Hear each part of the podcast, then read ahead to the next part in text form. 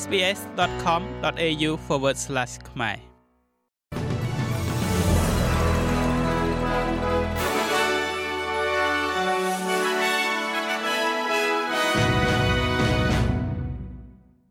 សូមស្វាគមន៍មកកាន់នេតិព័ត៌មានខ្លីរបស់ SBS ខ្មែរសម្រាប់ថ្ងៃច័ន្ទទី10ខែកក្កដាឆ្នាំ2023 អតីតលោកនាយករដ្ឋមន្ត្រី Scott Morrison កំពុងតែប្រឈមមុខទៅនឹងការអំពាវនាវសារជាថ្មីឲ្យលាលែងចេញពីតំណែងដោយផ្អែកទៅលើទួនាទីរបស់លោកនៅក្នុងកម្មវិធីទាបំណុលរបស់ Centrelink ហៅថា Robodebt ខណៈដែលវាត្រូវបានបើកបង្ហាញដោយរាជគណៈកម្មការ រាជគណៈកម្មការបានរកឃើញថាអតីតរដ្ឋមន្ត្រីគណៈបកសម្ព័ន្ធរួមទាំងលោក Morrison បានច្រានចោលឬក៏មិនអើពើ ចំពោះការព្រួយបារម្ភអំពីភាពស្របច្បាប់នៃគម្រោងនេះ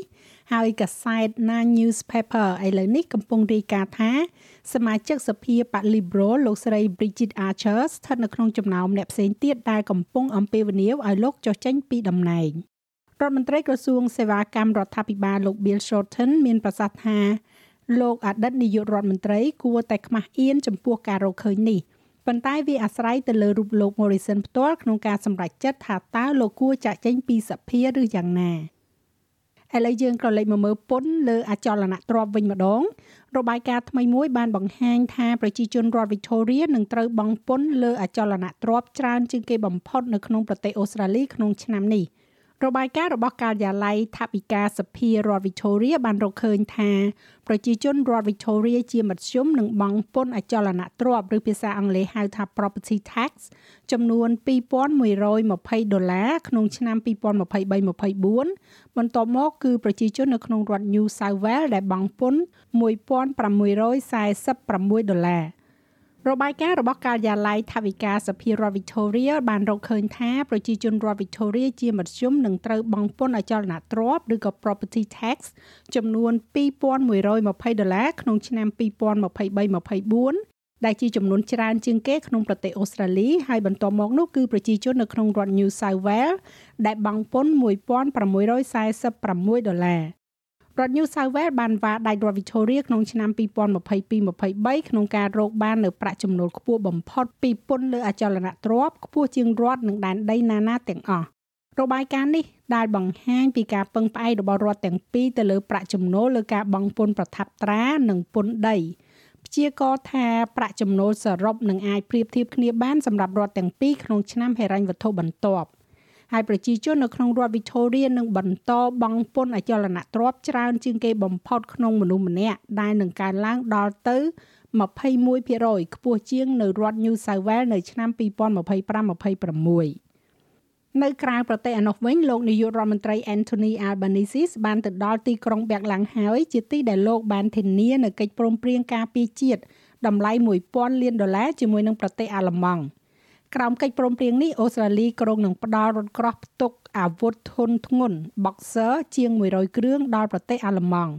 រថក្រោះនេះនឹងត្រូវផ្គត់ផ្គង់ដោយក្រុមហ៊ុនផ្គត់ផ្គង់យានជំនិះយោធាដែលមានមូលដ្ឋាននៅក្នុងរដ្ឋ Queensland ចាប់ពីឆ្នាំ2025តទៅ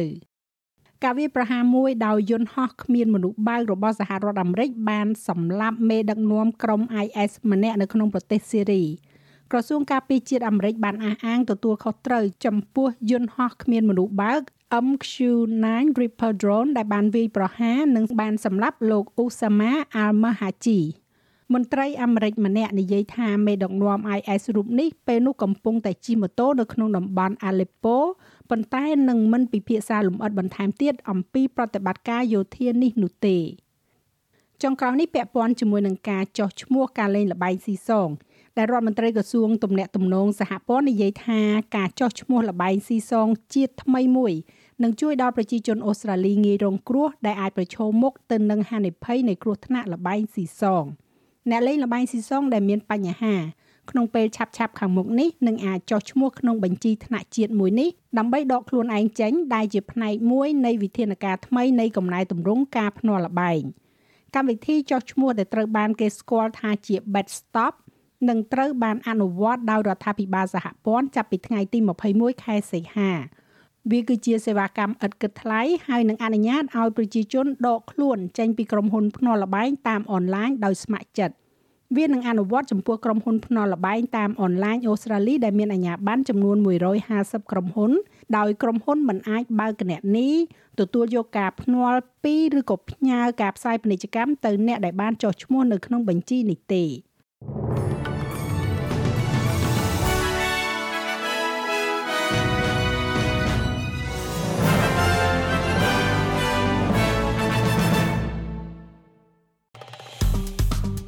ចុច like share comment និង follow SPS ខ្មែរនៅលើ Facebook